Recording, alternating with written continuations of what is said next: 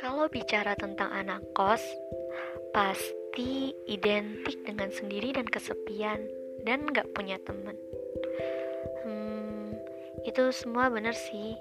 Yang awalnya di rumah itu selalu bareng keluarga dan ngerasa ramai, pasti terasa banget pas awal-awal jadi anak kos.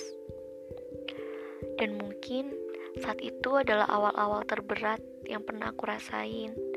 Gimana rasanya jauh dari keluarga. Tapi itu awal-awal, semua butuh proses, dan aku yakin suatu saat nanti aku akan sampai. Jadi aku ingin bagi cerita aja sama kalian.